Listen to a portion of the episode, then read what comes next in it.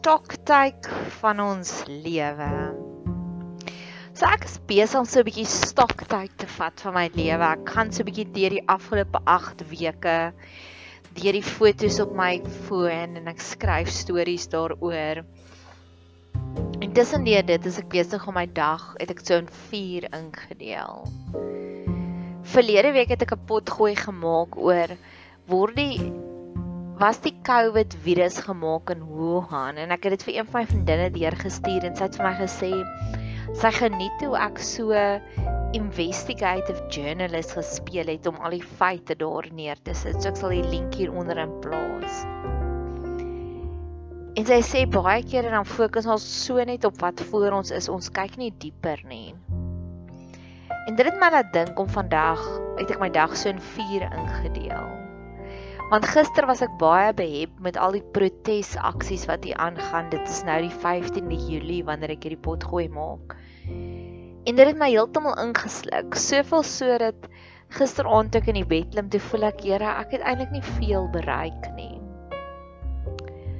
En vandag het ek 'n plan opgeskryf en ek het besluit ek gaan niks media kyk totdat ek voel ek het genoeg gedoen nie.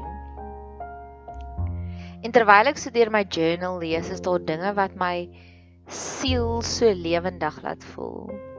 En ek lees hier deur my journal hier van die einde Mei af en as ek met terugkyk na daardie periode, daardie periode in my lewe was, ken jy daai liedjie van Maroon 5? Se, ekskuus vir daardie geraas. Maroon 5 se Memories. Waar hy sê dat in elke oomblik verlang jy altyd na iemand, maar jy geniet ook die mense wat rondom jou is op daai stadium. En hy sê cheers. Elke keer wanneer jy sê cheers, dan dink jy aan iemand anders terug, maar jy's ook dankbaar vir die mense wat daar in jou lewe is. En op daardie stadium in my lewe in einde Mei kan ek onthou ek het groot verlange gehad vir twee mense in my lewe wat hoofrolle gespeel het. Maar op daardie stadium het ek hierdie stoktyk gemaak waar ek geskryf het spesifiek die een was 'n man waar ek geskryf het is God werklik besig om mm, sy leemtes te vervul. En ek het 'n stoktyk gemaak van al die dinge waarna ek na hom verlang het en hoe God dit teruggevul het. En ek het nie besef op daardie stadium hoe God dit terugvervul het nie. En weer eens soek en jy sal vind en van daar af het ek op hierdie reis gegaan. Nou nie elke keer wanneer ek sê cheers dan dink ek, "Ag, oh, ek mis hom nie." Nee, ek het gesê cheers met die liedjie van Memories van Maroon 5 Memories wat ek in dankbaarheid gekyk het hoe het God sy leemtes vervul. En nog 'n rede hoekom ek hierdie pot gooi maak is ek was amper oorweldig. Nou ek's 'n HSP, highly sensitive person en keer op keer sal hulle praat van ons word vinnig oorweldig. En ek was oorweldig want ek het 'n week se joernaal inskrywings gelees en ek was oorweldig deur die wysheid wat daar gekom het. En dit was 'n stadium in my lewe waar alles nie eintlik peachy was nie. Daar was 'n klomp leemtes in my lewe, maar dit was amper asof jy hoeveelheid wysheid vermeerder het met daardie leemtes. En vir my om nou aan te gaan om nog verder te lees, wil ek eers deur dit alles prosesseer.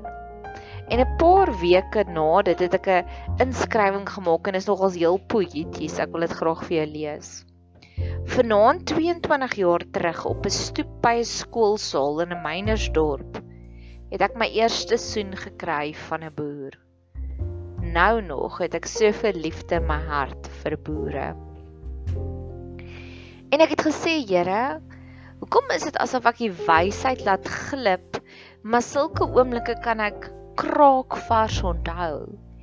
En hierdie is my poging om te sê, Here, ek wil meer die wysheid onthou 1 en 2. 'n Paar maande terug het ek saam met 'n huursoldaat gekuier en hy het opgetel hy het al in 8 verskillende lande gebly waar hy al geveg het in oorlogte.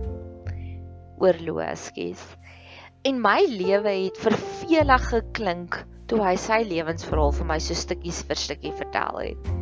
En waar ek gebid het, Here, ek wil hê U moet my geloofslewe meer opwindend, minder oorloof, minder koels maak as wat sy lewe is want Jesus het gesê hy sal ons die lewe in oorvloed gee.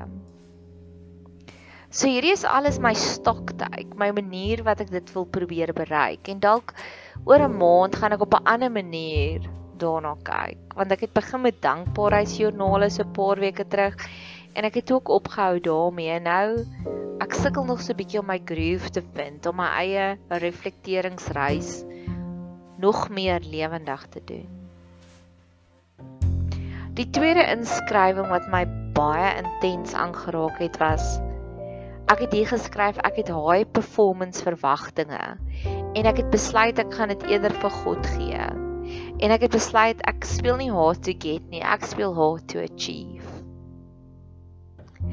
En die high performance verwagtinge was 'n pasiënt van my wat paar maande terug vertel het hy vat sy vrou Frans Hoek toe vir 'n verjaarsdag. En hy sê sy vrou vereis hoë performance. En hy sê vir my maar sy is dit moeite werd. En ek het lank gaan stil sit in daardie stukkie wat ek gesê het, Here, ek verwag ook baie van mense en ek wil ook baie gee, maar ek wil ook nie mense uitbrand nie.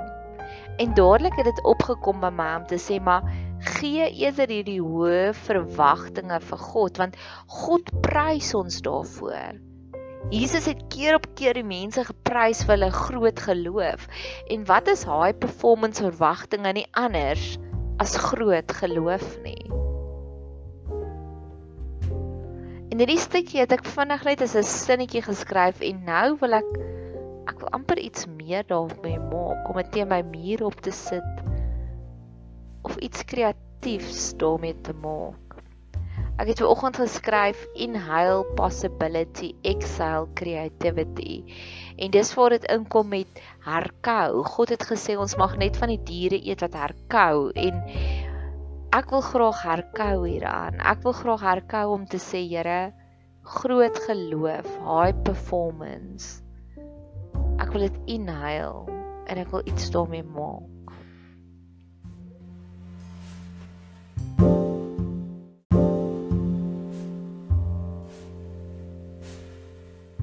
Die volgende inskrywing wat my hartsnare aangeraak het, was iets en ek weet nie of dit my eie of is dit iemand anders wat ek gehoor het en dit net daar geskryf het nie.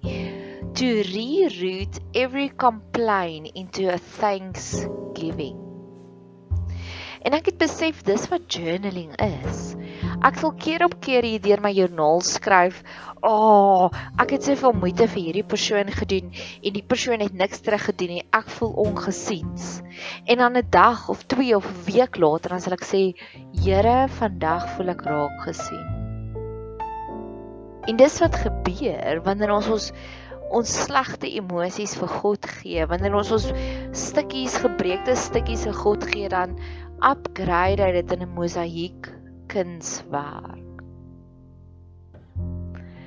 Vir 'n dag of wat het God dit die volgende tema laat lewendig word en dis waarna ek ook op soek is in my lewe. Ek is op soek na 3D manifestasies van die Bybel.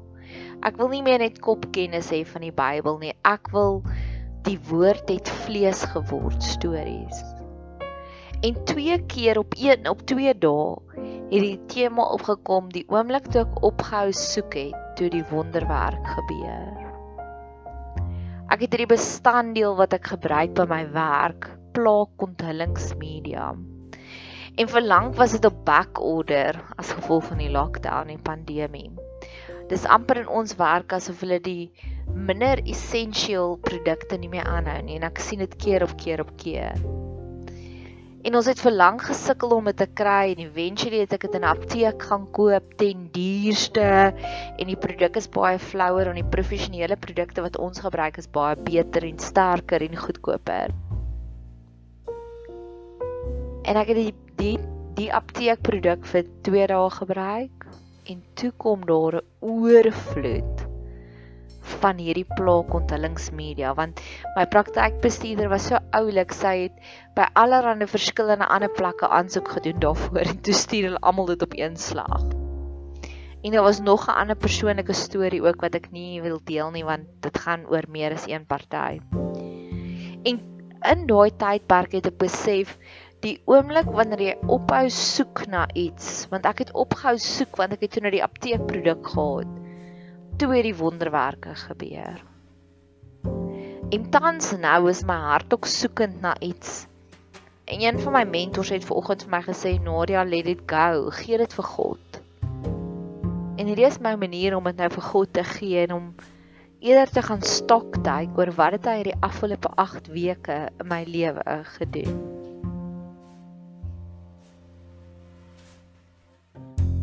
Ek het in daai stadium het ek besef God het 'n nuwe gift vir my gegee en ek so dankbaar daaroor. Keer op keer sal iemand vir my boodskap stuur en dan voel my gedagtes soos kersfeesboomliggies wat aangaan, pom pom pom. Oral is alles connected en ek wil dit vir hulle terugsê en ek wil dit vir hulle terugsê.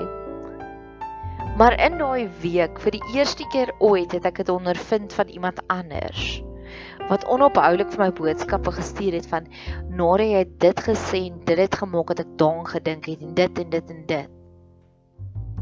En ek wil meer. Ek wil ek wil nie meer sinnelose gesprekke hê nie. Ek wil gesprekke hê wat jou hart laat lewendig raak. En ek's dankbaar. Ek het dit geskryf. Het ek dit ontlont om fonteine uit mense uit te kry. Die volgende storie wil ek ook vertel met twee verskillende verhale. En eerste van alles, ek glo dit is hoekom God sê hy kyk na mense se harte, na hulle intensie. En ek wil ook vra Here, waar ek ook al myself verkeerd uitgeartikuleer het, waar ek vir iemand iets gesê het en hulle het nie verstaan wat ek bedoel nie, openbaar asseblief vir my vir hulle my hart dat my hart is skoon en my hart is goed en my hart is net goedheid vir hulle. Want ek dink so baie kere raak die goeie boodskap wat ons vir iemand anders wil gee verlore in kommunikasie.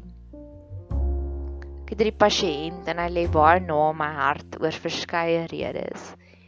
En hy het ingekom op daardie stadium en hy het vir my gesê ek het gevra hoe gaan dit en hy sê Engels en hy sê vir my except for my two terrors Scully and Porky it's going very well. En ek is so oh, cute, ek het twee hondjies gekry want ek dogter hy twee bull terriers gekry. En hy sê nee, ek praat van scoliosis en Parkinson's. En ek het by myself gedink, hoeveel kere druk ek myself uit in iets mense verstaan nie wat ek bedoel nie. En ek het gelukkig vir hierdie oom gevra, maar ek dink baie kere keer hoogmoed dat ons moet sê verduidelik asseblief vir my meer wat jy wil sê. So in plaas van dis sommer Nadia kennis, in plaas van om offended te wees, vra eerder vir iemand hoekom sê jy so verduidelik vir my so. Ek weet my pa het ook eendag vir my iets gesê en toe sê hy vir my ek laat hom aan hierdie persoon dink en ek was dadelik offended want sy's baie vlak. En toe sê hy nee, maar sy lag ook altyd en sy praat ook baie. En dis ek is okay, daarmee kan ek aanklank vind. So ek wil ook vra Here waar ek vir iemand 'n goeie boodskap gegee het, maar hulle het nie verstaan nie. Wys vir hulle my hart of wys dit hulle of dat hulle kom vra hoekom sê jy so? Ag, oh, hierdie is my so 'n groot diep oomblik wat ek hier gehad het. Ek het nou onlangs nadat ek hierdie gejournal het, het ek deur Spreuke gewerk en Spreuke sê versorg jou vye boom dan sal jy baie vye kry. Met ander woorde dan verduidelik Salomo som homself en hy sê versorg jou Heer jou werkgewer en dan sal dit met jou goed gaan. So ons het 'n wonderlike werkgewer en in hierdie week het hy 3 kere baie cute goedjies gesê vir sy werkers. En die een was dat hy grappie gemaak het toe sê hy is hierdie persoon hier. Toe sê ons ja, sy's hier. Toe sê o, want die praktyk is so stil want sy's baie loud. En ek het hier 'n comment gemaak om te sê sy siel absorbeer ons foute en maak dit positief. En ek het dalk en ek het aangeskryf en ek het geskryf is dit dalk wat God doen met ons foute. En ek ken drie sulke mense wat so 'n groot siel het, selfs al wys ons vir hulle ons mees kwesbaarste gedeelte, ons grootste foute, hulle absorbeer dit en hulle maak dit positief. En ek's dankbaar vir mense soos dit. En dis gewoonlik mense wat deur erge trauma was, wat al groter foute gemaak het wat hierdie genade spasie vir ander mense skep. Wat nie oordeel uitdeel nie. Wat jou nie bang maak as jy vir hulle vertel jy het nou hierdie probleem nie. Hulle absorbeer jou grootste eina of jou grootste mislukkings. En die produk wat hulle vir jou gee is iets positiefs. Mag ons daagliks net omring word met sulke mense.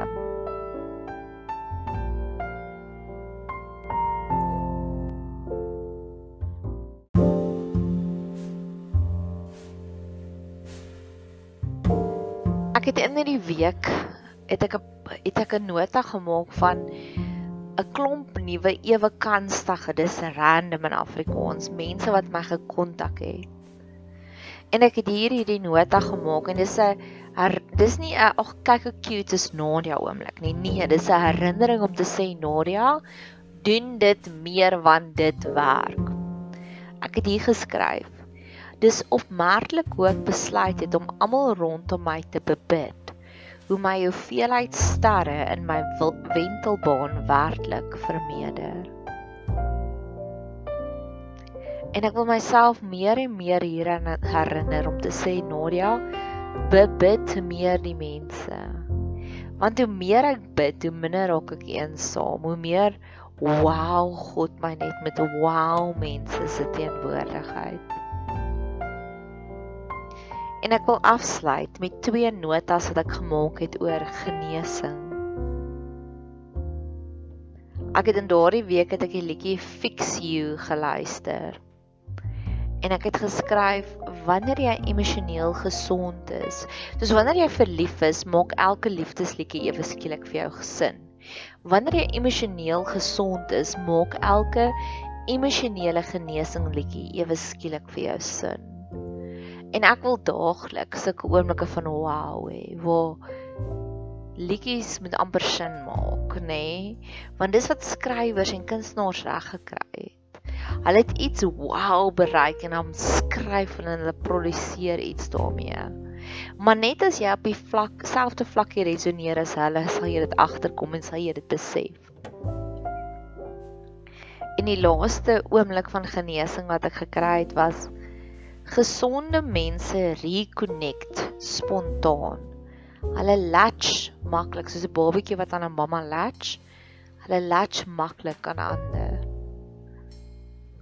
Dit is makliker om met emosionele gesonde mense oor die weg te kom.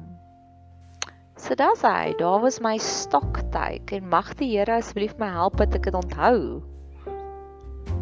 Mag jy ook geïnspireerd wees om meer genesing te gaan soek en meer te journal. Ek is nou besig om deur die Hebreëus te werk en Hebreërs 1 begin met In die ou tyd het God deur profete gepraat. Nou praat hy deur sy seun Jesus. En op 'n stadium het ek Jesaja opgeswat en dit het my vir 7 maande lank aktief besig gehou. Ek dink om myself as een man Jesaja my so lank kan besig hou. Imagine hoe lank kan Jesus my besig hou. En om te journal is vir my 'n manier om met Jesus te connect, want die koninkryk van God is binne in ons. So ja, stocktake journaling deel 1.